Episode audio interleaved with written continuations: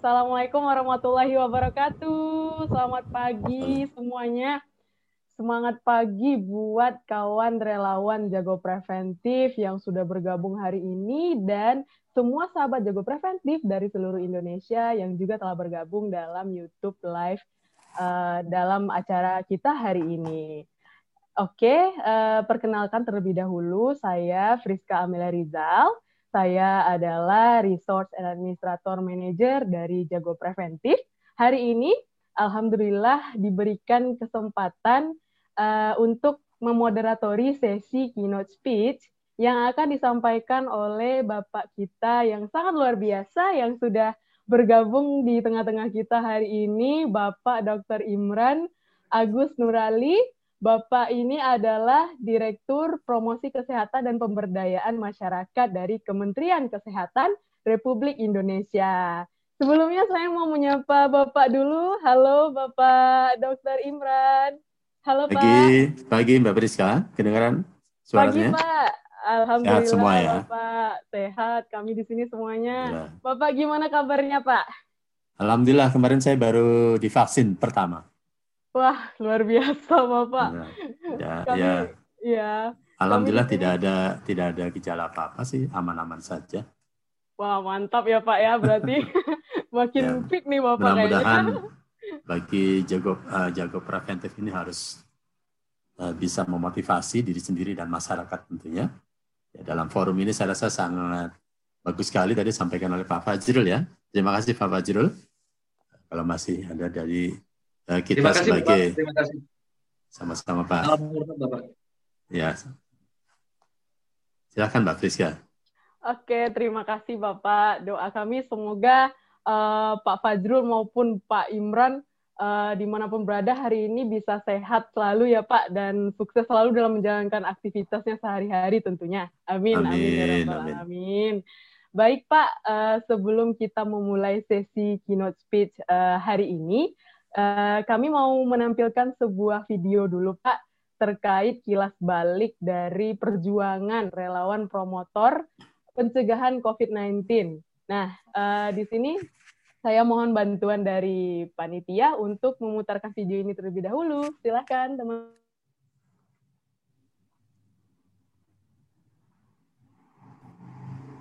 Kita akan mengumumkan top 21 inovasi pelayanan publik terkait dengan penanganan COVID-19. Berikutnya adalah perusahaan swasta sebanyak tiga inovasi, yaitu yang pertama, 1000 promotor pencegahan COVID-19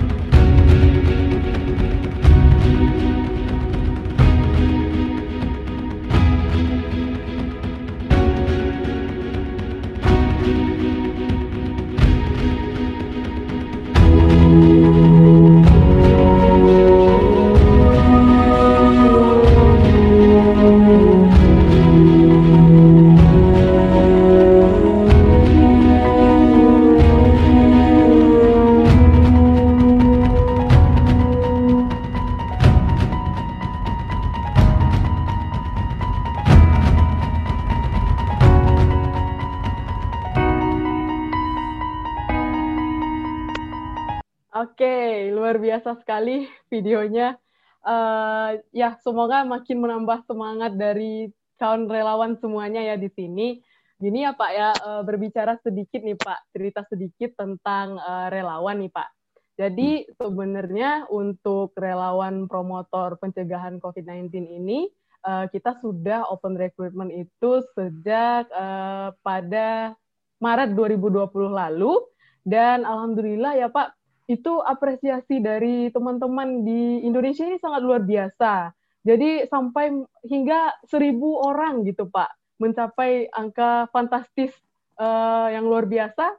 Jadi semuanya sudah mengikuti bimbingan juga, kemudian monitoring setiap uh, satu kali satu minggu kita adakan dan juga uh, masih banyak lagi.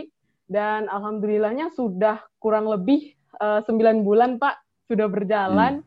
dan luar biasa sekali uh, partisipasi dari kawan relawan semuanya ini mereka sudah memberikan edukasi baik itu dari online maupun offline ada yang bahkan terjun langsung Pak ke masyarakat untuk uh, memberantas isu-isu hoax yang beredar di tengah-tengah masyarakat terkait uh, pandemi COVID-19 ini. Alhamdulillah ya Pak. Uh, ini dari dari ini maaf. teman ini. Maaf Mbak Friska ini dari iya, Ikatan ya, Senat Mahasiswa Kesehatan Masyarakat dan Mahasiswa Kedokteran. Ininya para relawan. Nah uh, Iya, jadi relawan ini banyak sekali Pak, uh, tidak hanya dari mahasiswa tapi juga umum, tidak oh. hanya dari kalangan kesehatan tapi juga ya, ya, umum ya. Pak. Oh, jadi oh, gitu ya. uh, luar biasa, cakupannya sangat luas uh, di sini uh, dan mereka semua sangat bersemangat dalam uh, menjalankan gerakan-gerakan tentunya dan alhamdulillahnya uh, hingga hari ini masih bertahan dan terus memberikan edukasi terhadap uh, masyarakat uh, kita di Indonesia ini tentunya Pak. Nah, ya, ya. Uh, ya jadi uh, hari ini kami ingin memberikan apresiasi terhadap uh, relawan ini Pak.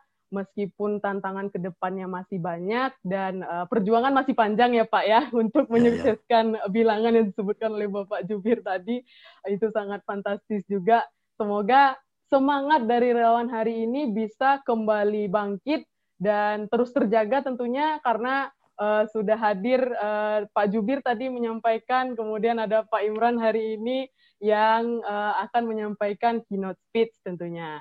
Baik Pak, tanpa perlu berpanjang-panjang lagi, langsung saja uh, kami persilahkan Bapak untuk menyampaikan sesi keynote speech hari ini. Kepada Bapak, waktu dan tempat disilahkan. Ya, uh, terima kasih Mbak Friska. Dan mudah-mudahan Pak Fazrul, Pak Jumir masih ada. Dan uh, adik-adik semua ya, kawan-kawan semua dari Jago Preventif. Uh, sebelum saya memulai, mungkin ada di slide saya terakhir tapi, tadi untuk mungkin ilmu hoax itu mungkin belajarnya dari, saya browsing itu Menteri Propaganda. Menteri Propaganda mungkin Pak Fazrul lebih menguasai. Siap mendengarkan Pak saya. Sama-sama, terima kasih Pak. Fazrul. Jadi menteri propaganda dari uh, zaman Nazi. Dia orang ketiga setelah uh, Hitler, kemudian uh, satunya Broman ya. Satunya ini uh, Pak Paul Goebbels ya. Pak Paul Goebbels itu meninggal tahun 45. Uh, dia sebagai menteri propagandanya Nazi. Jadi yang uh, apa konsep yang dia gunakan waktu sebagai menteri propaganda adalah big lie. Jadi kebohongan besar. Jadi sesuatu yang salah diulang-ulang ya berlangsung diulang-ulang itu suatu saat akan di, dianggap sebagai kebenaran. Ini konsepnya uh, Pak Paul Goebbels itu. Nah, saya mengambil pesan sebaliknya sebagai teman-teman uh, relawan, sebagai tadi sebagai preventif ya. Preventif ini saya rasa seumur hidup, tidak hanya pada masa pandemi ya. Tadi ada penyakit menular, penyakit tidak menular juga itu harus preventif ya. Jadi saya mengambil pesan dari uh, konsepnya Pak Paul Goebbels adalah mengulang-ulang sesuatu yang benar mengulang-ulang sesuatu yang benar suatu saat bukan hanya benar, tapi insya Allah jadi kebaikan. Jadi saya mengambil uh, apa berlawanannya, maka hoax itu muncul uh, akibat mengulang-ulang sesuatu yang salah sehingga dianggap oleh masyarakat oh ini benar ya. Jadi masyarakat jadi bingung. Kita juga harus bisa melawan dengan yang lebih benar lagi, mengulang-ulang sesuatu yang benar sehingga bukan hanya kebenaran tapi juga menjadi suatu kebaikan. Kalau sebagai muslim mungkin ditambah walaupun hanya satu ayat mungkin Pak Fajrul saya dulu mengenal beliau waktu masih baca-baca lah uh, sebagai aktivis itu ya. Uh, saya rasa ini konsep kita sebagai uh, relawan untuk preventif. Yang saya bilang tadi ini seumur hidup bila perlu, yang mengulang-ulang sesuatu yang benar, sesuatu yang benar sehingga bukan hanya kebenaran tapi juga kebaikan ya bagi umat manusia. Baik, saya tidak berpanjang lebar, saya share materinya ya.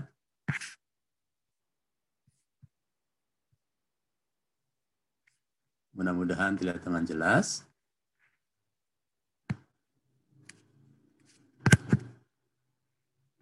Ya, uh, mudah-mudahan tidak ter ini saya video saya saya matikan dulu ya.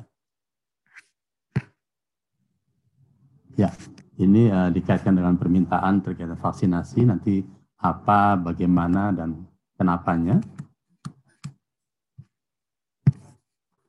Ya, ini survei yang dilakukan oleh Kemenkes UNICEF ya uh, pada bulan September Oktober 2020 dari 112 ribu orang lebih dari seluruh provinsi di Indonesia terkait dengan penerimaan vaksin. Ya, waktu itu belum ada yang keluar dari Badan POM dan Fatwa MUI ya. Jadi waktu itu uh, ya kita banyak beredar kan masalah halal haram. Uh, ternyata uh, varian dari semua provinsi itu yang mau menerima vaksin si, uh, saat itu adalah mulai dari 45,7 persen sampai 74,0 persen. Yani uh, Papua uh, Barat ternyata yang uh, paling tinggi ternyata ya. Yang uh, saya bintang-bintangi adalah yang relatif rendah. Ini uh, Aceh Darussalam, kemudian Sumatera Barat, kemudian uh, Riau dan Kepulauan Riau ya, kemudian NTB, ini Sulawesi Tengah, uh, Gorontalo. Jadi hal-hal ini nanti dalam kaitannya dengan uh, sasaran dalam strategi komunikasi memang harus uh, kita apa prioritaskan ya. Kemudian dari uh, tadi yang uh, survei tadi ini uh, angkanya, jadi yang mau menerima itu rata-rata kurang lebih 54,4 persen, yang belum memutuskan cukup tinggi 41,5 persen, dan yang menolak 4 persen, ya uh, kurang lebih 4 persen. Dan alasan penolakan di sini, ya yang paling tinggi adalah tidak yakin keamanannya. Memang waktu itu belum ada keluar hasil apa uji klinis yang fase ketiga ya. Kemudian tidak yakin efektif, takut efek samping, kemudian tidak percaya vaksin yang keyakinan agama, ya soal haram dan sebagainya dan lain-lainnya disebutkan. Jadi dari empat persen ini kita rinci lagi uh, dari survei tadi ya. Kemudian bagi yang belum memutuskan itu uh, 50 persennya rata-rata terkait dengan informasi efek samping. Masih takut dengan efek samping, kemudian terkait dengan efektivitasnya vaksin ini seberapa jauh gitu. Jadi ini survei sebelum keluarnya uh, emergency authorization ya dari Badan POM dan Fatwa MUI. Kemudian dari pasien-pasien COVID yang dirawat dari eh, apa kita lihat dari sisi apa yang punya komorbid, ternyata yang punya satu komorbid, komorbid itu ya eh, resiko ya eh, penyakit yang apa eh, mendampingi ya sebagai risiko seperti hipertensi, diabetes, penyakit jantung dan sebagainya. Yang punya satu faktor komorbid itu 6,5 kali lipat lebih tinggi eh, kematiannya ya dibandingkan yang tanpa komorbid. Yang dua faktor komorbid eh, 15 kali lipat, jadi makin eh, risiko untuk meninggalnya lebih tinggi. Dan yang lebih dari tiga eh, faktor risiko 29 kali lipat ya, termasuk nanti juga usia lanjut ya. Jadi ini hal-hal yang harus kita jadikan substansi ya sambil saat ini dan sampai juga berikutnya. Kemudian kita lihat dari berbagai penyakit komorbid, ya penyakit ginjal itu 13,7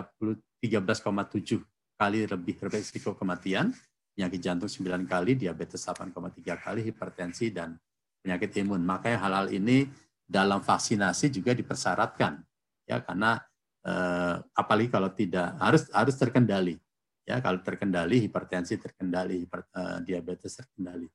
Ya, jadi ini akan membawa risiko juga. Jadi prinsip dalam vaksinasi adalah eh, kehati-hatian dan aman. Itu harus prinsip pertama. Ini tadi yang mungkin sudah disampaikan oleh Pak Fajrul ya terkait dengan strategi dalam menghadapi uh, pengendalian COVID ini uh, tidak hanya protokol kesehatan di masyarakat tapi juga oleh pemerintah dari Fasiankes menerapkan yang 3T, ya, testing, tracing dan treatment ya. Jadi ini semua dua-duanya dua sisi ini harus bagus ya dua-duanya. Jadi jangan sampai 3T-nya bagus tapi protokol kesehatan di masyarakatnya Eh, masih rendah ya, perilakunya masih rendah, naik turun naik turun fluktuasi. Ditambah dengan vaksinasi. Jadi vaksinasi itu bukan satu-satunya. Ya, jadi eh, pengendalian itu eh, tiga hal ini harus jalan. Ya vaksinasi sebagai pencegahan, bukan pengobatan. Ya, jadi ini dari unsur pencegahan dan ini harus sinergi semuanya. Jadi saya terima kasih sekali dari Kementerian Kesehatan dengan adik-adik ini relawan ya untuk jago preventif. Mudah-mudahan bisa lebih besar lagi ya jumlahnya dan peranannya dalam uh, menerapkan yang uh, mendukung ya apa penyebaran informasi ini kepada masyarakat termasuk tenaga kesehatan yang masih mungkin masih ada yang menolak yaitu uh, apa masih ada data-data ya. Kemudian dari sisi vaksin itu sendiri, ini mungkin bagi yang dari kesehatan atau kedokteran mungkin sudah paham ya. Eh, vaksin itu adalah eh, suatu produk biologi yang berisi antigen. Antigen itu kalau saya bilang adalah musuh bagi tubuh kita, tubuh manusia, benda asing. Ya, bisa dibuat dari virus yang dilemahkan atau dimatikan atau nanti barang-barang dari virus tadi, bagian-bagian dari virus, DNA-nya atau RNA itu ya, inti protein dari uh, suatu bodinya virus. Jadi dia adalah benda asing ya yang dibuat. Kemudian ada unsur pembawanya, ada zat pembawa. Ya, kemarin juga kami berdiskusi dengan MUI juga, zat pembawa ini memang sifatnya nanti dalam proses pembuatan vaksin harus uh, sifatnya uh, bebas dari yang apa diharamkan ya dan juga nanti disucikan ya. Jadi ada proses yang untuk Sinovac ini Eh, akhirnya keluarnya adalah suci dan halal ya. Jadi ini konsep karena benda-benda pembawanya, zat-zat pembawa dan juga dalam prosesnya itu ada uh, disucikan gitu ya. Dan ini tentunya bermanfaat untuk perlindungan tubuh. Ya, jadi uh, vaksin itu sifatnya spesifik. Ada vaksin vaksin meningitis ya untuk jemaah haji kita atau umroh mau ke apa Arab Saudi karena di sana memang uh, masih ada penyakit meningitis, virus meningitis. Jadi semua jemaah haji dari semua negara di luar Arab Saudi itu harus divaksin meningitis ya. Jadi dia spesifik. Ada vaksin hepatitis, ya, ada vaksin uh, apa? rubella ya, uh, eh, MR itu ya, measles dan uh, rubella, kemudian juga ada vaksin untuk wanita juga ada untuk kanker sebagainya. Jadi dia spesifik, tidak untuk semua penyakit. Ya dan termasuk juga untuk vaksin COVID ini uh, spesifik uh, apa stereotipnya nanti ya. Nah, tujuan daripada vaksinasi tentunya adalah membentuk kekebalan kelompok. Nanti saya gambarkan bagaimana yang di samping individu, tapi dia juga akan melindungi keluarga. Di samping nanti kalau makin banyak yang divaksinasi akan melindungi kelompok-kelompok yang ada di masyarakat. Dan tidak hanya Indonesia saja, semua negara juga eh, diharapkan melaksanakan vaksinasi. Apa artinya kalau kita bagus kok di Indonesia eh, vaksinasi, tapi negara-negara tetangga kita tidak bagus vaksinasinya, kita pun tidak bisa keluar masuk negara eh, keluar dari Indonesia ke negara lain ya karena di sana nanti banyak orang yang belum divaksinasi sehingga relatif benda asingnya di sana banyak. Jadi harus bersama-sama ya seluruh dunia. Ini adalah tanggung jawab global ya di apa harus dikomandani oleh WHO ya. Kemudian tentunya diharapkan menurunkan kesakitan dan kematian. Dengan makin sedikitnya orang tertular ya apalagi yang faktor risiko yang usia lanjut maka diharapkan akan menurunkan angka kesakitan yang konfirmasi akan rendah dan makin menurun dan juga berdampak kepada eh, kematian. Kemudian melindungi, memperkuat sistem kesehatan secara menyeluruh. Ya saat ini memang uh, semua kesehatan bidang kesehatan harus bersama-sama uh, juga di luar kesehatan ya bertanggung jawab untuk bisa mengendalikan dan menurunkan uh, COVID ini. Mulai dari puskesmas yang di ujung ya sampai ke rumah sakit yang uh, untuk perawatan sebagainya. Kemudian tadi yang sudah disampaikan oleh Pak Fazil tentunya adalah uh, kita harus bisa meminimalkan dampak sosial dan dampak ekonomi yang sudah terjadi saat ini ya bagaimana orang yang sudah di PHK kemudian uh, apa harus banyak keterbatasan-keterbatasan tentunya juga akan berdampak ekonomi. Nah, ini terkait dengan pentingnya imunisasi ya. Tadi yang saya sebut adalah proteksi spesifik. Jadi vaksin COVID itu memang spesifik hanya untuk COVID tidak untuk hepatitis, tidak untuk influenza itu masing-masing uh, sudah diatur uh, jenis vaksinnya. Kemudian diharapkan membentuk kekebalan kelompok atau herd immunity ya uh, seberapa besar untuk tercapainya kekebalan kelompok. Percuma saja kalau saya sendiri kemarin yang baru divaksin tapi yang di luarnya tidak divaksin. Ya, itu akan walaupun nanti secara bertahap ya. Jadi kalau sudah ada kesempatan untuk dilakukan vaksinasi segerakan, jangan ditunda-tunda Ya, masih ada, eh, saya juga kadang-kadang di Japril eh, orang-orang kesehatan, ya ada WA grup di profesi juga. Eh, saya nanti nunggu yang vaksin yang jenis yang yang nanti saja yang yang berikutnya, ya yang bukan ini kan buat, buatan Cina ya, Sinovac tadi, ada buatan Amerika, buatan Inggris. Saya nanti saja. Menunda itu kalau memang dia sudah dipang, diharapkan sekarang, itu justru memiliki resiko tertular dia sendiri maupun dia bisa juga menularkan orang lain punya risiko. Jadi kalau sudah ada kesempatan bersyukurlah segerakan uh, divaksin. Ya jangan ditunda-tunda lagi ya. Jadi ini hal-hal ini juga bukan hanya untuk uh, masyarakat tapi juga untuk tenaga kesehatan harus uh, dijadi, harus menjadi contoh. Ya tidak boleh menunda kalau sudah ada kesempatan dipanggil uh, segerakan imunisasi. Karena di samping melindungi diri melindungi keluarga juga melindungi masyarakat lain ya. Kemudian tentunya proteksi lintas kelompok ini termasuk saat ini memang diharapkan usia 18 sampai 59 tahun. Jadinya usia-usia produktif ya. Yang diharapkan Eh, kita bisa melindungi kalau di rumah ada anak balita, ya masih ada anak di bawah 18 tahun lah, atau di rumah ada usia di atas 60 tahun. Ya kalau yang usia produktif ini sudah divaksin, relatif bisa melindungi kelompok-kelompok yang di luar itu. Ya, jadi ini uh, yang saya sebut sebagai kekebalan dalam kelompok dan akhirnya menjadi kekebalan dalam uh, masyarakat. Ya, ini bagaimana kenapa uh, dalam vaksinasi tetap membutuhkan protokol kesehatan ya ada yang 3M itu intinya adalah 3M eh, menggunakan masker menjaga jarak dan mencuci tangan pakai sabun. Walaupun seharusnya pengembangan dari 3M atau 5M ya itu pengembangan dari menjaga jarak. Menghindari kerumunan dan mengurangi mobilitas kalau memang tidak sangat perlu. Ya ini adalah pengembangan dari menjaga jarak atau kita uh, supaya tidak banyak uh, apa ketemu dengan orang lain ya. Proses vaksinasi tentunya butuh uh, waktu. Jadi saat ini eh, secara bertahap karena ketersediaan vaksinnya juga kita kan rebutan ini dengan negara lain eh, dengan negara di global. Jadi merupakan keberhasilan diplomasi sebenarnya dari Kementerian Luar Negeri kita. Kita bisa mendapatkan saat ini 3 juta vaksin sudah berada di lapangan. Ya saya sebagai pembina wilayah Sulawesi Utara saya terlalu memantau distribusi vaksinnya sudah sampai mana. Jadi eh, tanggal 1 Februari sudah dilaksanakan yang eh, di luar yang tahap pertama yang 1,4 juta. Jadi kemarin sudah dikirimkan semua dari provinsi kepada uh, seluruh kabupaten kota dan Fasiankes sampai ke puskesmas ya. Jadi butuh waktu. Jadi uh, ketersediaan samping ketersediaan kita rebutan dengan negara lain di samping kita nanti juga akan memproduksi vaksin merah putih ya.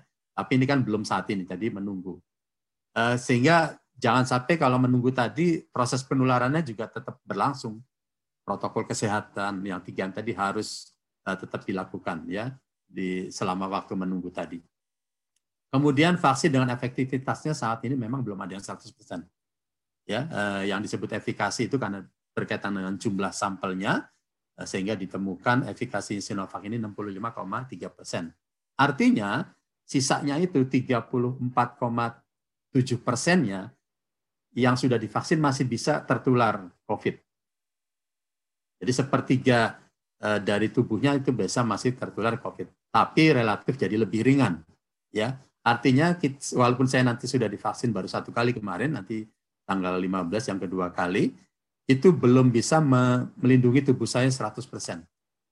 Ya, artinya masih ada bagian tubuh saya yang belum terlindungi, karena memang belum 100% ya, dan semua vaksin belum ada yang 100%. Ya, eh, yang vaksin yang dasar saja hepatitis, eh, kemudian polio, campak dan sebagainya itu masih 90 persenan ya, jadi uh, masih ada sisa. Apalagi kalau kita hanya sendiri. Kalau kelompok masyarakat yang lain sudah tervaksin, relatif mereka akan melindungi yang uh, kekurangan kita tadi ya. Kemudian belum semua kelompok dapat divaksinasi karena apa? Karena memang uji klinisnya baru pada usia 18 sampai 59 tahun yang saat ini untuk Sinovac. Walaupun sekarang mudah-mudahan sudah berjalan untuk proses yang di atas eh, 60 tahun mungkin vaksin yang lain juga sudah walaupun juga uh, kejadian ikut uh, apa ikutan pasca imunisasi juga uh, agak lebih tinggi dibandingkan Sinovac yang di bawah satu persen ya. Ini juga salah satu uh, pemilihan di samping ketersediaan ya. Jadi ini uh, sambil berjalan tentunya uh, apa evidence base-nya secara ilmiah harus kita ikuti. Dan kemudian saat ini juga belum diketahui berapa lama kekebalan bertahan. Artinya ya ini baru asumsi ya dengan dosis dua kali itu diharapkan eh, apa bisa melindungi selama ya satu tahun, tapi kita tetap menggunakan protokol kesehatan. Jadi jangan setelah divaksin kemudian lepas sama sekali, itu berbahaya ya karena eh, antibodi kan berjalan meningkatnya perlahan, tidak langsung disuntik langsung naik. Ya dia perlahan, maka di booster lagi yang kedua lebih naik lagi ya. Dan ini memang penelitiannya saat ini memang masih emergensi yang yang waktu uji fisik itu adalah dari sisi usia saja. Ini sambil berjalan nanti mungkin dari Bio Farma, dari uh, Menristek Dikti, dari uh, ini yang Sinovac mungkin akan melakukan sampling yang sudah diimunisasi tadi, eh, berapa persen tertingginya pada berapa lama itu tentunya diharapkan eh, bisa men, apa, menambah nanti untuk berikutnya vaksinasi model seperti apa. Jadi eh, vaksin ini bukan sebagai uji klinis, memang sudah dilakukan, tapi pembelajaran berikutnya harus selalu dilakukan. Ini secara umum efek samping yang timbul beragam ya tergantung dengan individu masing-masing dan sifatnya ringan dari uji fase klinis ketiga yang sudah dilakukan terhadap 1.600 orang itu sifatnya ringan dan bersifat sementara. Ringan itu mungkin rasa pegal ya itu disuntik yang lain juga bisa pegal gitu ya tergantung ambang rasanya setiap individu. Ya saya kemarin karena saya vaksin influenza biasa saya suntik sendiri ya dan saya juga biasa donor tiga bulan sekali jadi kemarin dengan suntikan yang setengah cc tadi, kok nggak terasa gitu? Oh sudah mbak, sudah. Jadi nggak terasa itu tergantung ambang eh, apa individu ya. Jadi kalau yang ringan-ringan itu kemerahan, agak bengkak ya. Kalau ada demam, tapi biasanya satu dua hari sudah hilang. Ya itu sama dengan eh, vaksin atau imunisasi untuk anak balita. Ada yang divaksin demam, tapi dikasih obat demam langsung turun dan tidak ada apa-apa. Jadi relatif Eh, ringan seperti demam dan nyeri otot uh, seperti ini ya. Jadi tapi yang saya rasakan kemarin yang baru pertama sama sekali uh, saya tidak merasakan apa-apa. Yang disebut ngantuk, uh, lapar, saya disuntik jam 11. Memang lapar sih karena memang pas jam makan siang. Ya, jadi mau sholat Jumat tapi ya uh, kemudian ngantuk karena saya harusnya kemarin uh, WFH apa uh, kerja di kantor, tapi kerja di kantor kan bisa bangunnya walaupun absen gitu ya jadi masih ada terasa ngantuk tapi bukan karena itu sebelum divaksin saya udah ngantuk ya. Jadi ya ini relatif lah ya. Itu eh, ya asumsi banyak orang. Nah ini yang saya sebut bagaimana nanti vaksin bisa menjadi melindungi kelompok atau herd immunity. Ini contohnya. Ini orang yang tertular vaksin. Ini yang belum divaksin yang warna kuning. Maka akan terjadi banyak yang akan tertular uh, COVID ya ini yang belum divaksin masih ada. Ini artinya dari dua ini akan menularkan banyak orang. Nah berikutnya ini yang ada tertular COVID, ini yang belum divaksin, tapi sudah lebih banyak yang divaksin yang warna biru. Dia akan melindungi. Jadi eh, apa vaksinasi itu antibodi yang dihasilkan, jadi ada benda asing ke tubuh kita, maka tubuh kita akan menghasilkan antibodi, menghasilkan tentara. Mirip seperti kalau kita menggores Eh, kulit kita ya dengan sesuatu yang tajam keluar darah. Tapi lambat laun darah kita akan membeku, akan luka tadi akan tertutup dengan bekuan darah, zat beku darah. Itu adalah satu satu bagian dari antibodi tubuh kita, zat pembeku darah tadi. Ya, ini mirip seperti itu. Jadi ada tentara, jadi darahnya tidak berlanjut terus. Jadi eh, dengan ada yang divaksin, maka dia akan melindungi antara yang belum divaksin dengan yang tertular. Ya, tapi ini baru sedikit Nah, diharapkan kalau yang divaksinasi lebih banyak, ya, ini ada yang sudah tertular, dia akan menghalangi antara orang, orang tertular dengan orang yang belum divaksin. Sehingga relatif yang belum divaksin ini tidak tertular. Di sinilah yang disebut dengan minimal 70% harus divaksin akan terbentuk herd immunity. Ya, dia akan menghalangi yang tertular dengan yang belum divaksin. Artinya dia lebih bagus lagi kalau di atas 70 persen. Ah, makin banyak ah, terhalang orang yang ada yang tertular ya. Ini yang yang disebut dengan herd immunity tadi. Jadi uh, sudah disampaikan tadi oleh Pak Fajrul ya dalam pemilihan vaksin ini ada beberapa kriteria. Yang utama memang adalah safety keamanan. Jadi kita dengan penuh kehati-hatian dalam memilih vaksin tadi yang tidak ada efek samping berat. Ya kemudian juga di samping ketersediaan Indonesia pada sini pada saat ini belum punya yang menghasilkan akhirnya harus berlomba-lomba dengan negara lain. Di samping Cina sendiri juga membeli vaksin dari negara lain. Padahal dia juga punya uh, pabrik uh, vaksin. Jadi uh, ya itu karena ketersediaannya tidak cukup ya. Kemudian syarat WHO efikasinya minimal 50%. Ya, syaratnya minimal 50%. Kalau di bawah 50% tidak boleh digunakan. Idealnya memang 70% ya kita kemarin dapatnya 65,3 persen. Ya tadi tapi kalau kita kan di booster juga dan makin banyak akan bisa menjadi lebih lebih baik. Lama perlindungannya ya panjang setidaknya minimal satu tahun ya, tapi tetap protokol kesehatan harus dilakukan dan salah satu pemilihan vaksin Sinovac ya karena ketersediaan dan uh, jumlahnya juga cukup besar, 3 juta, adalah suhu penyimpanan 2 sampai 8 derajat Celcius. Karena vaksin yang jenis lain yang nanti juga kita akan beli juga karena kekurangannya, itu suhu penyimpanannya adalah minus 20 sampai minus 70 derajat Celcius. Bayangkan, saat ini Indonesia yang sudah berpengalaman dalam dalam uh, imunisasi, suhu sekian itu sudah sudah sampai di tingkat puskesmas.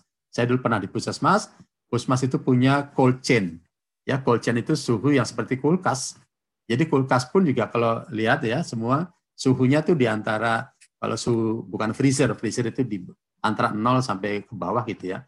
Kalau suhu kulkas biasa itu suhunya di antara sekian. Ya biasanya eh, rata-rata tuh 4 derajat Celcius. Di sini jadi tidak ada masalah. Masalah penyimpanan suhu baik di puskesmas, klinis sampai rumah sakit kita sudah siap semua.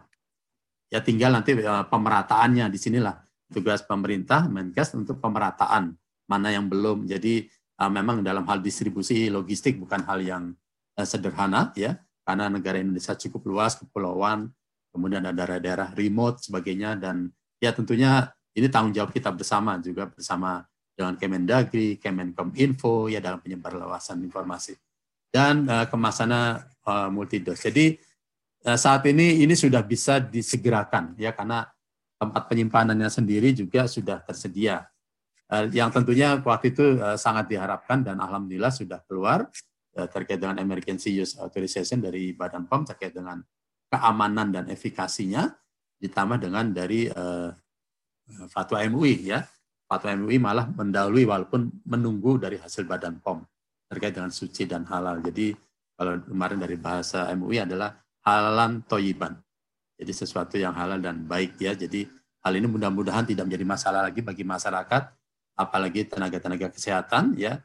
Ya kadang-kadang yang menolak atau yang anti vaksin seribu satu alasan selalu dibuat. Makanya tadi kata Pak Fajrul berapa sekian ya informasi yang disinformasi. Tapi ya kita harus menguatkan edukasi tadi. Selalu mengulang-ulang hal yang baik dan benar ya. Jadi kita tidak boleh merasa lelah. Ini skenario dalam uh, ketersediaan vaksin uh, dihitung-hitung jumlah penduduk Indonesia hampir 270 juta kemudian yang usianya di atas 18 tahun sesuai dengan hasil uji klinis uh, sebagai kriteria uh, 188 juta, kemudian ada eksklusi. Jadi yang tidak diperbolehkan karena sesuai dengan hasil uji klinisnya adalah ibu hamil, kemudian terpapar COVID, memang belum ada kajian ya saat ini mungkin sedang berjalan dan komorbid yang tidak terkontrol. Artinya Indonesia masih cukup banyak yang Eh, tuberkulosis tidak terkontrol ya hipertensi tidak terkontrol diabetes ya.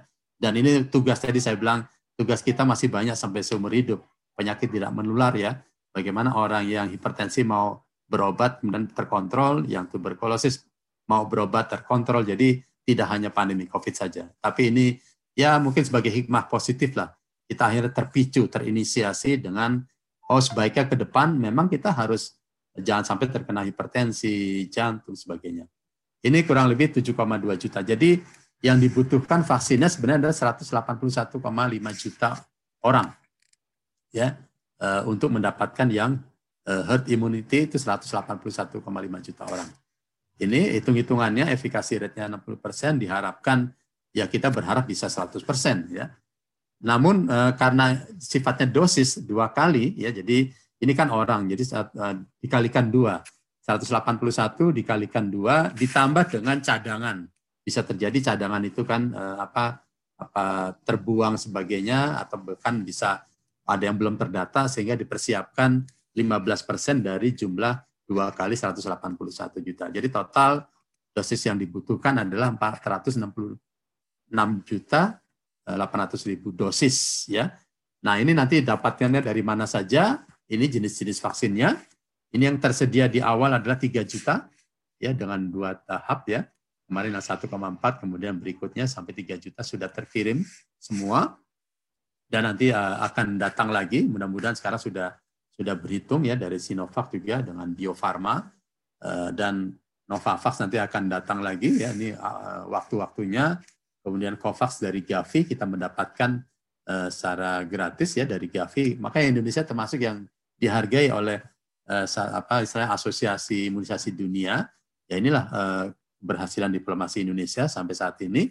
Ini nanti kuartal kedua dan kuartal sampai pertama di 2002, AstraZeneca kita tetap memerlukan untuk memenuhi yang 426 juta 800 ribu ini. Jadi ya tentunya nanti ada kriteria-kriteria yang di dalam negeri akan eh, mirip dengan yang dilakukan pada Sinovac tadi. Pfizer juga demikian dibutuhkan. Jadi yang yang sudah firm, yang sudah konfirmasi positif sebanyak 329 juta. Sehingga kita masih memerlukan kekurangannya ya uh, yang dengan potensi opsi yang lain. Jadi uh, di sinilah informasi-informasi ini uh, kadang menjadi disalahkan, menjadi salah dengan adanya hoax ya diputar balikan dan sebagainya. Ya, ini uh, proses pentahapan ya. Tahap pertama prioritas memang tenaga kesehatan ya yang berhubungan dengan pasien maupun penunjangnya. Ya, penunjangnya kemarin uh, istri saya di Rumah Sakit Cipto Mangunkusumo sebagai uh, tenaga ahli gizi sehingga dia kan harus menyiapkan uh, timnya untuk menyediakan makanan bagi petugas kesehatan maupun bagi uh, pasien yang dirawat. Sehingga memang uh, bisa bersentuhan dengan uh, perawatan ya. Sehingga juga dilakukan sebagai prioritas. Dan tentunya bagi teman-teman kesehatan eh, harus menjadi role model, harus menjadi contoh bagi masyarakat bahwa tenaga kesehatan pun juga siap divaksin ya. Kemudian dilanjutkan dengan petugas eh, publik dalam pelayanan publik ya, tokoh-tokoh masyarakat, kemudian juga pejabat-pejabat pemerintah yang mau tidak mau harus uh, turun ke daerah misalnya pada saat terjadi kemarin gempa dan sebagainya, ya mereka juga harus terlindungi. Dan ini yang sedang dalam tahapan kajian adalah lansia sebagai faktor risiko. Dan urutannya nanti ada masyarakat rentan ya yang punya risiko tinggi di daerah merah kemudian uh, apa orang-orang yang memang termasuk uh, di sini mungkin juga guru ya mana ada usulan. Nanti sudah ada tim lah yang yang membuat kriteria siapa-siapa saja by name by address ya diharapkan kalau sudah ada jadwalnya langsung dilakukan. Jadi tidak jangan ditunda-tunda lagi. Apalagi kalau menolak uh, ini juga tidak kita harapkan. Dan masyarakat lainnya diharapkan bisa selesai uh, permintaan presiden dalam waktu uh, satu tahun. Ya mudah-mudahan dan kecepatan dan dibantu oleh teman-teman uh, jaga preventif ini para relawan Sasa uh, kalau bisa lebih cepat maka herd immunity kita juga bisa lebih cepat dan lebih besar. Ini terkait dengan uh, bukan hanya vaksin saja, bukan hanya uh, jarum suntik saja, tapi juga dilah perlu dilakukan uh, vaksinator, orang yang akan menyuntikkan. Ya, disebut vaksinator, uh, saat ini sudah lebih dari 30 ribu orang ya dilatih dengan webinar sebagainya. Mereka harus tahu bagaimana men-screening yang boleh dan yang tidak, ya kemudian menunda dan sebagainya. Ini perlu keahlian, ya bukan sekedar menyuntiknya saja. Kemudian ini 3 juta dosis pertama yang sudah uh, kita uh, distribusikan saat ini dan juga tentunya fasilitas pelayanan yang melakukan vaksinasi yang terdaftar dalam PIKER-nya BPJS ya, rumah sakit puskesmas termasuk uh, swasta, ya, termasuk juga ada uh, puskesmas juga klinik-klinik dan kantor kesehatan pelabuhan. Ini cold chain tadi yang sudah saya sampaikan, ini sampai ke tingkat pelayanan di tingkat puskesmas dan klinik dan tentunya kami juga bergerak bersama-sama Kemenkominfo dalam KPCPEN dan juga uh, Satgas COVID sebagainya dalam media penyebarluasan informasi, edukasi dan uh, informasi kepada masyarakat. Ini dalam memenuhi tadi tentunya ya, saat ini kami kita masih menunggu hasil uh, pembuatan yang merah putih uh, Bio Farma, kemudian uh, Litbangkes Kemenkes, uh, Laboratorium Ekman ya dan Menstek Bikti diharapkan mungkin 2021 bisa uh, digunakan. Di samping kita memenuhi dari uh, luar negeri tadi ya kita juga harus punya diplomasi dengan luar negeri dan juga dapat bantuan uh, dari SEPI dan Gavi ya. Ini terkait dengan uh, kesiapan kapasitas ya tadi samping juga cold chain lebih dari 90 persen puskesmas sudah memiliki karena memang untuk vaksinasi sehari-hari untuk anak balita ya itu sudah ada jadinya. Di samping puskesmas rumah sakit klinik TNI Polri dan pemerintah daerah dan juga swasta. Ini uh, sistem uh, registrasi yang walaupun saat ini dalam perbaikan terus ya karena ada apa, kekurangan. Tapi ini uh, bersama-sama. Mudah-mudahan secara manual pun juga dilakukan. Ya, kemudian terkait dengan distribusi uh, kemarin waktu saya saat di Manado saya melihat memang di apa didampingi oleh TNI Polri dalam distribusi sampai ke tingkat uh, puskesmas. Kemudian uh, dalam pelaksanaan ini prinsip kehati-hatian tadi tetap menjadi suatu uh, apa urutan prioritas ya. kemudian dalam registrasi dan juga terkait dengan pasca penyuntikan ada nanti apa, observasi selama setengah jam, dilihat ada faktor KIPI ya, kejadian ikutan pasca imunisasi. Ini alur pelayanannya, ya saya juga harus melihat sendiri di lapangan benar terjadi seperti apa yang sudah dilatihkan. Ini calon penerimanya sudah terdaftar, baik manual maupun terregistrasi dengan SMS blast dan e, cara yang lain.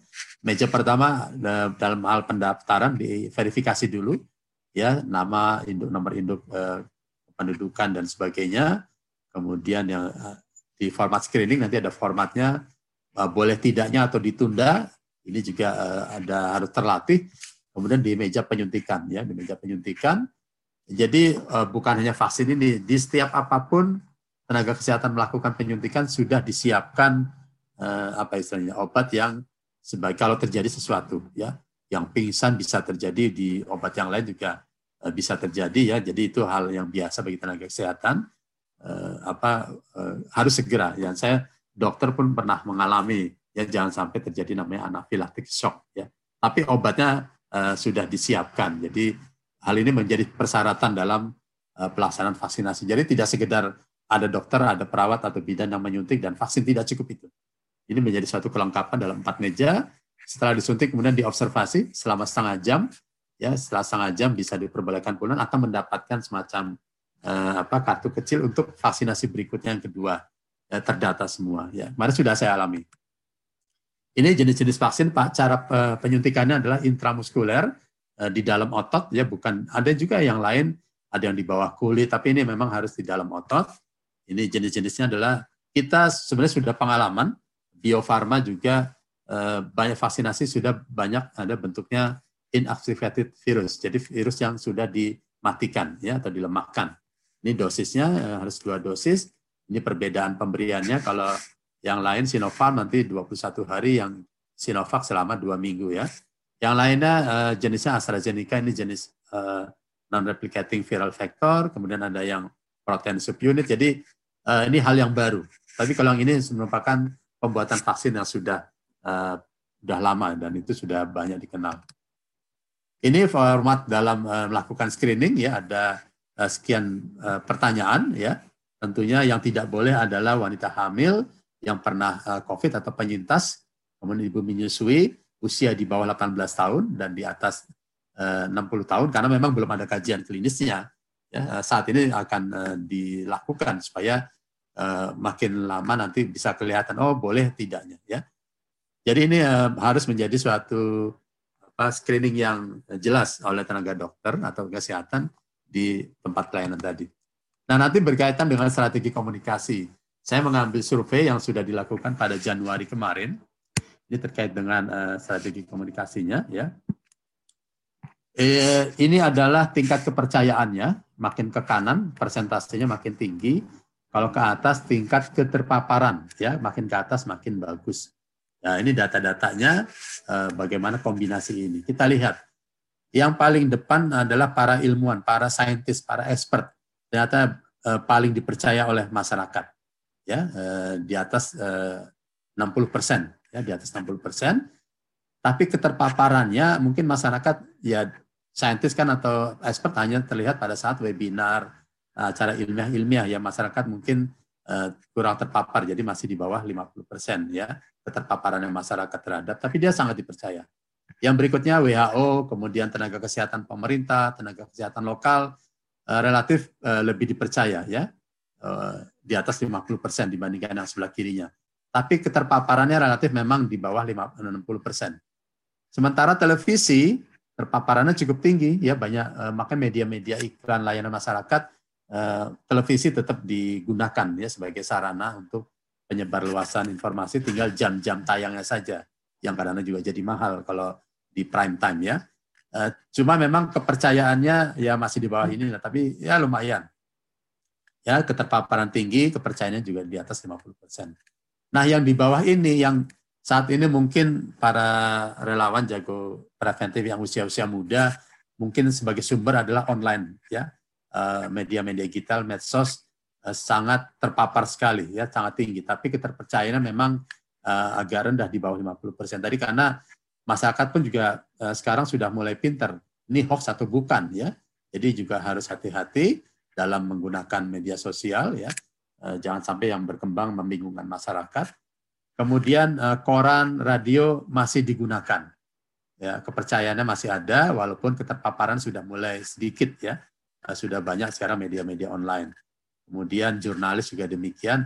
Ya, yang kasihan ini, ini ini data survei bukan pendapat saya ya kita lihat politisi keterpercayaan di sini dan keterpaparan dengan masyarakat uh, ya pada saat ini surveinya Juli ya bukan mendekati pilpres atau pilkada gitu. Kalau dekat pemilu mungkin dia tinggi karena lebih sering terpapar dengan masyarakat. Tapi di sini kita lihat uh, keterpercayaan rendah. Jadi hal-hal inilah menjadi strategi uh, kita dan uh, Kementerian Kesehatan dalam memanfaatkan media-media ini dalam penyebarluasan informasi dan edukasi. Ini strateginya ya tentunya eh, mau menerima eh, apa vaksin, kemudian patuh terhadap protokol kesehatan dan percaya terhadap eh, kebijakan-kebijakan pemerintah terkait dengan vaksin ini strategi-strateginya. Termasuk pada hari ini saya menemukan salah satu strategi melakukan komunikasi ya. Dan pesannya tentunya dua ya inti yaitu vaksinasi COVID dan menggunakan protokol kesehatan. Ini pesan yang harus selalu uh, di apa diulang-ulang terus ya. Dan salurannya tadi berbagai media kita lihat mana yang memang paling dipercaya dan paling uh, terpapar tadi kepada masyarakat tergantung juga sasarannya ya. Ini strategi komunikasi kami uh, terhadap tenaga kesehatan kemarin sebelum apa sebelum launching oleh Pak Presiden kan prioritasnya tenaga kesehatan. Jadi kami melakukan media komunikasinya seperti ini, pesan apa saja yang disampaikan kepada tenaga kesehatan, Tenaga kesehatan kan bukan hanya dokter bidan dan perawat, tapi juga ada ahli gizi, ada kesehatan lingkungan, ada yang berbau teknik-teknik juga ada. Jadi mereka pun harus uh, terpapar dengan informasi. Kegiatan yang dilakukan bisa berupa webinar ya, yang dulu harus offline, sekarang bisa online ya. Jadi kita hikmah positifnya juga seperti ini bisa lebih luas jangkauannya. Kemudian dengan narasumber-narasumber ya, termasuk juga dari MUI, tokoh masyarakat. Kemudian untuk masyarakat ini yang saat ini akan berjalan, ya sudah berjalan. Ya kami kemarin juga dengan organisasi masyarakat, termasuk juga organisasi keagamaan, kemudian dunia usaha. Alhamdulillah sekarang eh, kami sudah ada WA group dan saling menginformasikan supaya mereka tidak mendapatkan uh, hoax-hoax ya. Jadi mereka mendapatkan informasi yang benar dan kemarin juga saya diundang untuk uh, termasuk pada hari ini jago preventif sudah melanjutkan ya pertemuan yang waktu kami melakukan webinar dengan wakil menteri dengan dunia usaha. Ya tentunya pendekatannya adalah uh, selain vaksinasi sebelum launching tanggal 13 Januari, tapi juga selama vaksinasi sekarang berjalan dan setelah vaksinasi terkait dengan KIPI ya adanya efek samping atau tidak tentu harus uh, disampaikan supaya uh, tidak salah uh, informasinya. Kemarin kan baru divaksin pertama Bupati mana kemarin kemudian terkena COVID. Karena memang antibodi belum muncul dan mungkin terpaparnya sebelum divaksin. Jadi terkena COVID itu bukan karena efek samping vaksin. Ya. Ada lagi uh, soal saya informasi hoax soal barcode bahwa yang disuntikan vaksin kita ada chip yang dimasukkan ke tubuh kita. Saya bilang barcode yang ada yang disebut-sebut barcode itu yang ada di bungkusnya nanti saya gambarkan di bungkus uh, vaksin. Barcode itu untuk melihat distribusi logistik vaksin. Kan secara GPS nanti akan sampai benar atau tidaknya. Jadi bukan itu isinya vaksin ada chip yang ditanamkan ke tubuh kita sehingga kita bisa dipantau oleh pemerintah. Itulah uh, hoax-hoax yang memutarbalikkan. Uh, jadi saya harus menjelaskan dalam WA group, dalam berbagai uh, eh, WA group sampai ke semua daerah gitu ya. Tentunya diharapkan juga nanti ada pemberdayaan masyarakat. Jadi masyarakat pun diharapkan juga bisa mengikuti langkah-langkah yang dilakukan oleh teman-teman jago preventif, para relawan ya. Mereka bisa, mereka tahu, kemudian mereka mau dan mereka mampu melakukan pada masyarakat lainnya. Di samping komunikasi publik dan komunikasi perubahan perilaku secara keluarga, kemudian kelompok-kelompok eh, sasaran. Ini fase-fase tadi yang saya sebut pravaksinasi, eh, selama vaksinasi dan pasca vaksinasi, ini tujuan pesan dan faktor-faktor penunjang saya rasa nanti eh, sudah saya sampaikan juga. Nah, rekomendasi kami tadi terkait dengan media, tentunya media konvensional tetap kami gunakan dan manfaatkan uh, eh, TV nasional ya baik uh, eh, TVRI, TV swasta, radio. Kemarin juga saya diwawancara radio soal vaksinasi. Jadi uh, media apa pun kalau memang ini uh, insya Allah kita sampaikan informasi yang uh, baik dan benar tadi ya, termasuk juga media cetak. Kemudian tentunya media yang sekarang sangat apa sangat bermanfaat sekali ya bisa cepat dan bisa lebih luas penggunaan media teknologi atau IT ya terkait dengan online, media sosial, website dan sebagainya tentunya teman-teman jago preventif inilah yang lebih menguasai eranya ya uh, diharapkan bisa lebih sampai kepada semua unsur masyarakat. Ini uh, vaksin yang dianggap uh, hoax hoax tadi ya, tapi juga kita uh, memberikan edukasi yang baik sehingga orang makin banyak tahu bahwa oh ini hoax karena saya sudah tahu yang benar-benar itu seperti apa. Nah, teman-teman nanti bisa melihat di linknya ya terkait info vaksin ada kalau terjadi KIPI kemudian buktikan kalau itu hoax kemudian efek samping apa saja dan media-media advokasi promkes bisa diunduh di sini. Uh, tadi sudah disampaikan tentunya dengan pentahelix tadi semua pihak harus terlibat semua ya uh, termasuk juga di kalangan uh, mahasiswa, di kalangan akademisi. Kemarin juga saya uh, bersama-sama para akademisi menyampaikan uh, mereka punya tanggung jawab di wilayahnya juga dan tentunya tadi orang akademisi biasanya lebih banyak dipercaya oleh masyarakat ya uh, karena apa istilahnya ya dunia kampus, saya juga pernah di kampus dulu ya. Saya rasa hal-hal ini bisa dimanfaatkan termasuk organisasi masyarakat, dunia usaha, dan eh, teman-teman uh, yang lain. Ini uh, pesan-pesan uh, dalam bentuk poster, flyer, kemudian juga ada kami menyiapkan ribuan, ribuan waktu itu untuk para nakes, bahwa mereka siap divaksin atau Indonesia siap divaksin. Bahan-bahan ini bisa diunduh uh, di link ini ya, silakan nanti dimanfaatkan. Promkes, Kemkes, ada video-video silakan silakan mudah-mudahan bisa disebarluaskan. Jadi intinya uh, hotline tadi sudah disampaikan juga uh, yang eksternal extension 9 tadi ya. Uh, sebagai kesimpulan adaptasi kebiasaan baru menerapkan protokol 3M termasuk juga menghindari kerumunan dan uh, mengurangi mobilitas sehingga vaksinasi tetap bisa dilaksanakan dengan aman dan efektif. Diharapkan kita bisa hidup sehat, aman dan produktif. Ya, uh, ini sebagai kesimpulan, ini yang tadi saya sampaikan, uh, saya sudah browsing, ini Paul Joseph Goebbels, ya, big lie, dan dia adalah orang ketiga setelah Hitler dan Martin Bormann, ya. Jadi Menteri Propaganda, intinya dia menyebarluaskan berita bohong sebanyak mungkin dan seluas mungkin dan selalu diulang-ulang sehingga dianggap sebagai suatu kebenaran. Makanya saya pesan sebaliknya yang saya ambil, selalu mengulang-ulang dan menyampaikan sesuatu yang benar suatu saat bukan hanya menjadi suatu kebenaran, namun juga bisa menjadi suatu kebaikan, walaupun hanya satu ayat. Saya itu saja eh, Mbak Friska yang bisa saya sampaikan. Terima kasih. Assalamualaikum warahmatullahi wabarakatuh.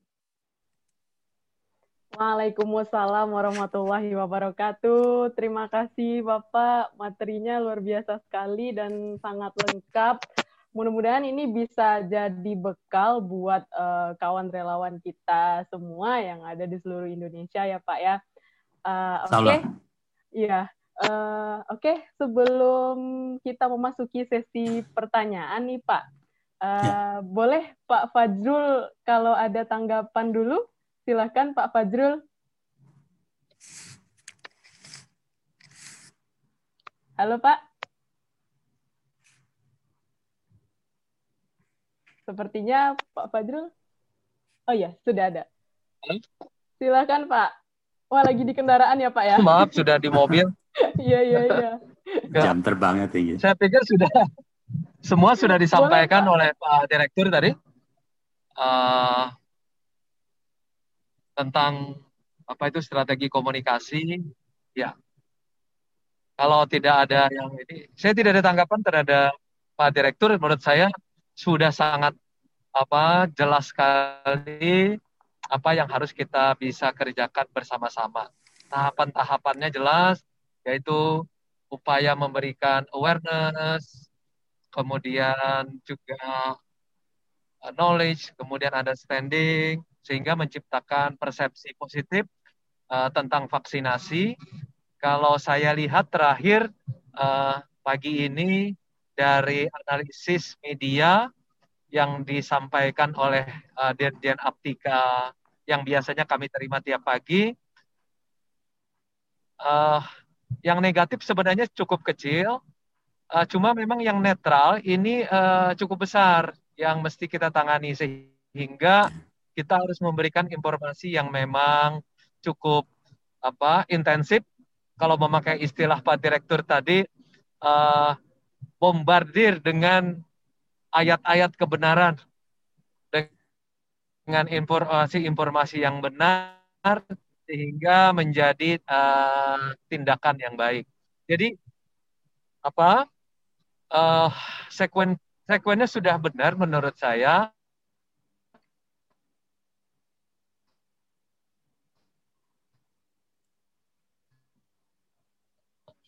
Terputus sepertinya ya Pak. Ya. Upaya bersama kita mencapai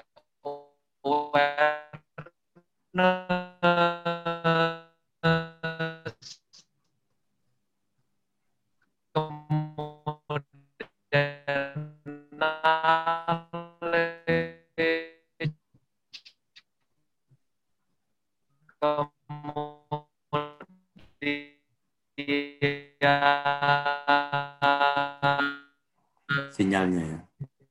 Iya. Karena lagi di jalan sepertinya, Pak. Lalu menciptakan menciptakan Oh iya, sepertinya terputus ya Pak ya. Iya, iya, iya. Baik, ya. baik. Kita maklumi lah. Ya, kita maklumi ya Pak ya. Luar biasa ya Pak, masih mengikuti meski sudah di jalan ya. baik, uh, mungkin langsung saja ya Pak kita masuk ke sesi pertanyaan, Pak. Jadi kita sudah terkumpul ada tiga orang penanya uh, dari slide yang sudah kita berikan linknya tadi, Pak. Pertama dari Ibu Ella Laila Sari. Uh, pertanyaan pertama ini adalah apakah kegiatan vaksinasi ini masuk dalam trial 3 Sinovac? bagaimana dengan kondisi rantai dingin dan peralatan cold chain di area bencana Kalsel. Uh, selanjutnya, masih dari Bu Ella ya Pak. Uh, selanjutnya, bagaimana vaksin COVID ke masa depan? Virus ini tidak akan pernah hilang dan SARS-CoV ini jenis RNA virus yang sering mutasi. Banyak mutasi baru ditemukan. Oke, um, langsung saja kita silahkan kepada Pak Dir untuk uh, menjawab dulu pertanyaannya. Dan Ibu Ella mungkin bisa nanti kalau masih ada tanggapan bisa langsung menanggapi nanti apa yang disampaikan oleh Pak Direktur. Silakan Bapak. Ya, uh, baik. Uh, terima kasih Mbak Priska dan Ibu Ella atas pertanyaannya. Uh, ya, terkait dengan kegiatan vaksinasi ini juga jangan sampai uh, menjadi sorry kok putus-putus ya? Masuk pak. Jelas pak. Jelas ya? Iya. Tapi saya putus-putus. Jadi uh, ada feedback ya? Uh, tapi jelas di saya putus-putus. Jelas bapak jelas. Jelas sekali soalnya uh, jadi uh, jangan disalahartikan ya. Eh, ada suatu penelitian selama vaksinasi itu bukan sebagai trial untuk vaksinnya sendiri. Ya, jadi memang sama untuk eh, berbagai jenis pengobatan ya. Dengan obat apa pun eh, akan selalu diikuti, diikuti dari laporan-laporan ya, apakah dari sisi keberhasilannya, apakah ada efek samping, kemudian juga ini kan eh, kriterianya masih 18 sampai 59 tahun. Itu namanya sebagai monitoring evaluasi ya eh, penelitiannya sebagai monitoring evaluasi. Jadi dari laporan-laporan yang masuk itu nanti dianalisis. Jadi bukan sebagai bahwa obat ini masih di trial atau diteliti. Ini yang uh, salah persepsi nanti yang uh, kalau sampai disampaikan ke masyarakat kesannya ini sebagai uji coba yang divaksin jadi bukan begitu ya tapi nanti hasil yang divaksin kan antibodinya tadi kan belum Eh, berapa lama sih antibodi terbentuk setelah booster tadi. Ya ini adalah sebagai bagian dari monitoring dan evaluasi ya. Eh, jadi bukan sebagai uji coba trial vaksin.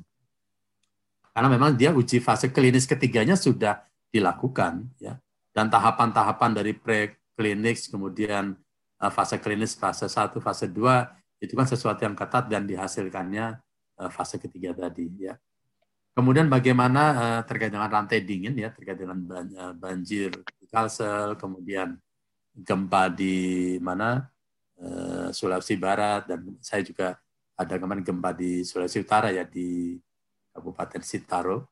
Ya kami memantau dengan adanya informasi dari teman-teman daerah terkait dengan pelaksanaan vaksinasi ini, vaksinasi ini. Alhamdulillah uh, tidak ada hambatan ya, jadi semua masih berlangsung, masih terkendali dan ini kan uh, ter, terpantau. Jadi kami di Kemenkes sendiri uh, masing-masing unit uh, di eselon 2 ini uh, punya uh, wilayah binaan ya binwilnya masing-masing provinsi dan kami punya komunikasi masing-masing dan ini terdata semua dalam suatu uh, apa laporan harian dari dinas kesehatan bukan dinas kesehatan provinsi saja tapi juga sampai ke dinas kesehatan kabupaten kota mereka mendapatkan laporan dari uh, fasiankesnya.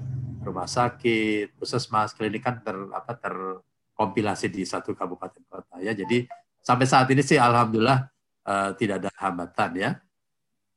Kemudian terkait dengan uh, varian ya uh, varian atau mutasi uh, virus RNA ini tentunya sudah ada ahli-ahli yang meneliti ya baik di tingkat global dalam uh, apa Itagi ya. Kemudian di Indonesia ada Itagi ada Itaginya juga.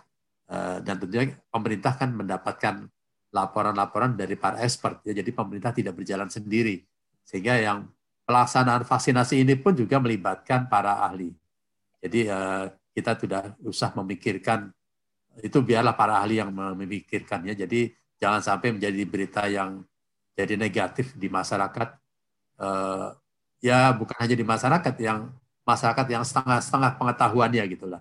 Bukan ahlinya sehingga menjadi informasi yang salah di masyarakat ya terkait dengan mutasi. Kan tentunya ada proses juga dalam mutasi tidak eh, walaupun sudah terjadi negara lain tapi ya kita percaya saja.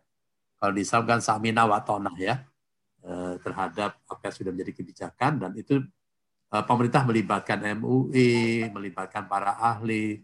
Jadi kita sebagai masyarakat ya kita berikhtiar semua kita berdoa dan kita tentunya pasrah ya eh, dengan doa dan pada pemerintah juga pada Allah Subhanahu wa taala.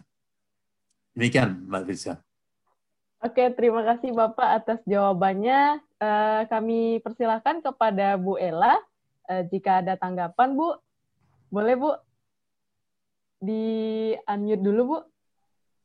Ya, terima kasih sudah sudah jelas. Alhamdulillah, terima kasih banyak Pak. Sama-sama Bu Ella.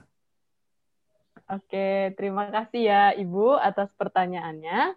Selanjutnya Pak, pertanyaan berikutnya datang dari Medan ini Pak, dari Kak Winnie, eh, dari Institut Kesehatan Helvetia Medan. Saya mau bertanya Pak, apakah vaksin ini akan berlanjut hingga ke tahun-tahun berikutnya?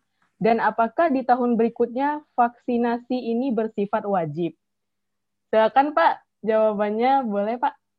Ya, Uh, ini kan semua masih uh, hasilnya harus dipantau ya. Uh, dipantau tadi terkait dengan uh, tingkat antibodi yang terbentuk itu nanti berapa lama. Kemudian juga kita harus melihat dari kasusnya juga. Ya kasusnya kalau memang nanti kasusnya makin lama yang konfirmasi makin turun ya uh, apa tapi juga nanti dilihat perkembangan karena ada yang bilang ada wave 1, wave 2 sebagainya ya. Uh, kasus harus kita lihat. Begitu juga dengan angka kesakitan, angka kematian. Ya, harus dilihat juga sehingga ini kebijakannya harus kebijakan dari WHO. Ya, WHO lah nanti akan uh, membuat kebijakan secara internasional uh, sedunia apakah ini menjadi suatu uh, vaksin yang cukup sekali saja atau nanti berlanjut. Ya, uh, karena kan kita tidak bisa hidup sendiri tapi juga tentunya dengan uh, dengan lain kan kita tahu bahwa COVID ini tidak bergerak dia berpindah karena kita orang-orang yang bergerak, karena manusia yang bergerak ya. Sehingga tentunya hal-hal ini juga harus menjadi pertimbangan dalam uh, tahun ke depan. Apakah ini cukup tahun ini saja? Mudah-mudahan ya, kita berharap uh, langsung dengan vaksinasi seluruh dunia, kemudian uh, secara virusnya dan variannya juga tidak muncul, ya itu bisa nanti uh, WHO lah yang menentukan. Ya. Demikian jawaban saya. Baik Pak, terima kasih. Selanjutnya silahkan uh, Kak Winnie boleh di-unmute dulu jika ingin menanggapi. Halo Kak Winnie. Terima kasih Kak. Eh, boleh nggak Kak nambah pertanyaan satu lagi? Boleh, boleh. Mumpung masih ada Bapak nih.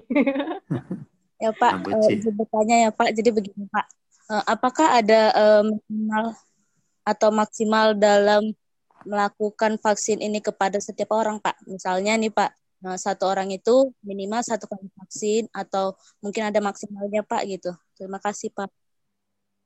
Ya. Okay. Ya, tentu ini menjadi bagian dalam kajian apa uji klinis fase 3 ya, yang kepada manusia langsung ya. Eh, itu kan dilihat dari antibodinya timbulnya itu berapa lama. Ya diharapkan kayak vaksin influenza itu eh, setahun setahun ya. Karena nanti di akhir tahun dia sudah mulai turun. Sehingga tahun berikutnya sudah harus di, sudah divaksin lagi dengan yang baru ya. Itu uh, tapi sama juga covid juga nanti mungkin akan dipantau seperti itu.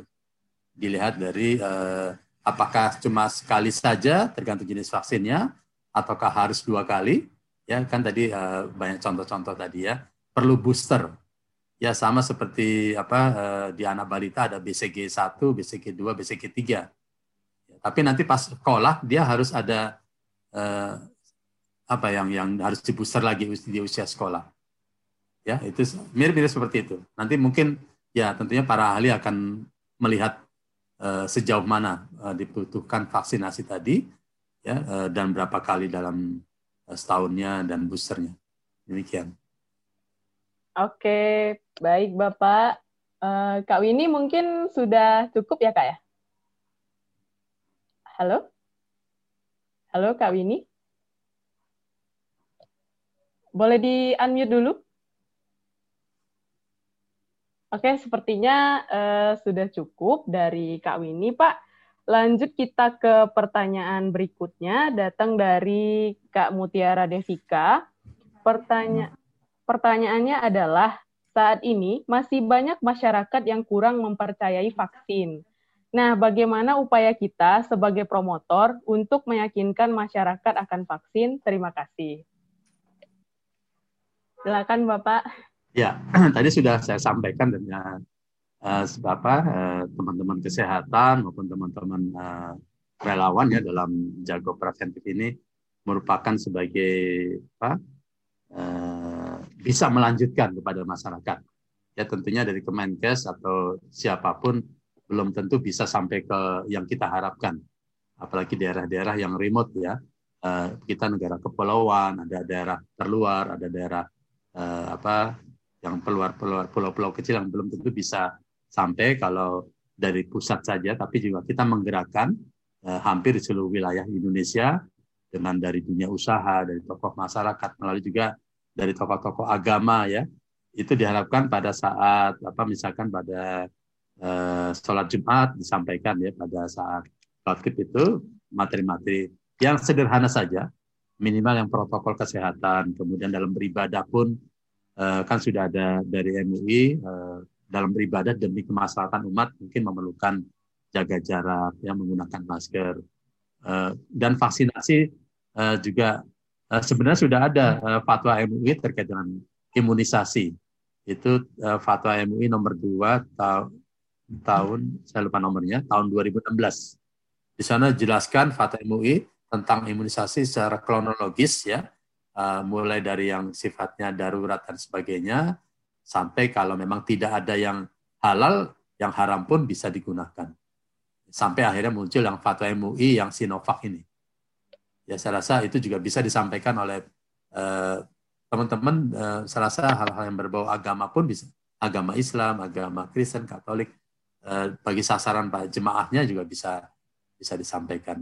Termasuk saya rasa uh, teman-teman yang berjiwa muda ini ya sama tentunya juga dengan bahasa anak-anak muda bisa lebih uh, bahasa gaul gitu ya tentunya bisa disampaikan juga berbagai media tadi saya sampaikan tapi media sosial diharapkan juga tidak apa jangan kendor ya uh, melawan yang negatif-negatif ini saya rasa tadi uh, yang disampaikan walaupun walaupun hanya satu ayat tapi juga mudah-mudahan bisa memberi manfaat bagi banyak orang. Demikian. Oke, okay, Pak. Jangan kasih kendor ya, Pak. ya, jangan kasih kendor. Jangan kasih kendor. Oke, uh, dari Kak Mutiara Devika, kalau ada tanggapan, boleh silakan. Open mic dulu, silakan. Sepertinya nggak ada tanggapan lagi ya dari Kak Mutiara Devika. Uh, kita lanjutkan ke pertanyaan berikutnya.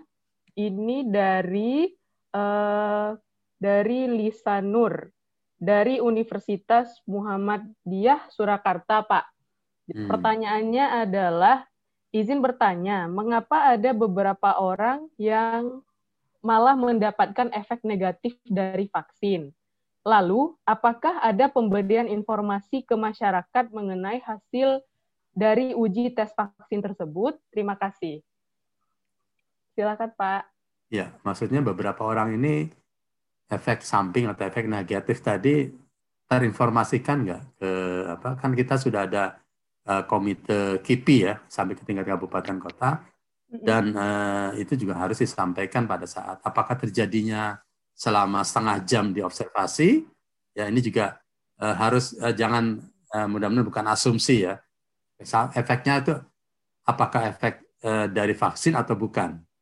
Karena kadang-kadang terjadi sesuatu dikait-kaitkan dengan pada saat pelaksanaan vaksin bisa. Jadi harus dinilai ini benar-benar karena vaksin atau bukan. Ya, uh, ada contoh sih yang waktu itu yang dari luar tapi satu orang habis disuntik kemudian fix uh, pingsan itu ya itu satu tapi nggak jelas ini pingsan apa karena belum sarapan ya apa karena stres karena takut disuntik kan ada yang di Gorontalo kepala puskesmas itu kan sampai histeris eh, saya bilang kok kepala mudah-mudahan sih itu bukan dokter gitu ya. Kalau dokter sih nggak eh, dia harus dia menyuntik orang harusnya dia tahu bagaimana disuntik gitu ya. Eh, tapi itu hanya individu saja sih ya bukan sebagai histeris itu kan mungkin eh, apa sih ya bukan hanya karena suntikan mungkin. Ya cuma itu jadi hal yang diviralkan tapi ke sana kan jadi negatif ya. Cuma saya tidak tahu tadi yang negatif, efek negatif berapa orang nih uh, dilaporkan atau tidak seperti apa kan kita tidak tahu ya. Demikian. Oke, uh, terima kasih Bapak. Uh, selanjutnya kepada Kak Lisa, mungkin boleh open mic dulu, Kak Lisa dari Universitas Muhammadiyah Surakarta. Halo Kak Lisa. Uh, dari saya udah cukup sih. Terima kasih Pak Imran atas atas sama. Oke, baik. Um, mungkin untuk sesi tanya jawabnya kita cukupkan sampai di sini dulu Pak, karena pertanyaan-pertanyaan uh, yang sudah masuk melalui slide itu sudah diseleksi oleh tim kita dan memang pertanyaan-pertanyaan yang mirip itu uh, sudah kita includekan ke dalam empat pertanyaan tadi, Pak. Oke, okay. uh, eh, sebelumnya Pak, sebelum menutup sesi dari uh, Bapak, sesi keynote speech dari Bapak hari ini, izinkan saya untuk membacakan uh, kesimpulan dari hal yang sudah Bapak sampaikan. Yang pertama, uh, yaitu prinsip vaksinasi adalah kehati-hatian dan aman.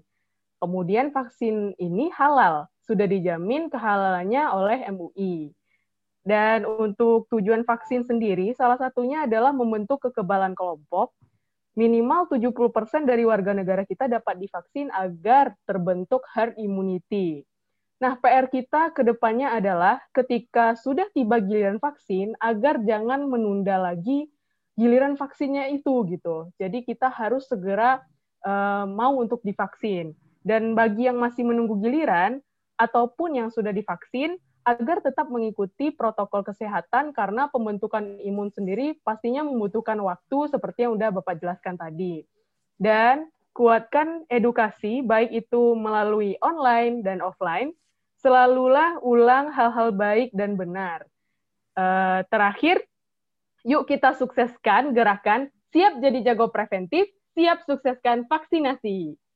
Oke, Bapak. Semangat. Uh, semangat, semangat Pak. Terima kasih banyak Bapak.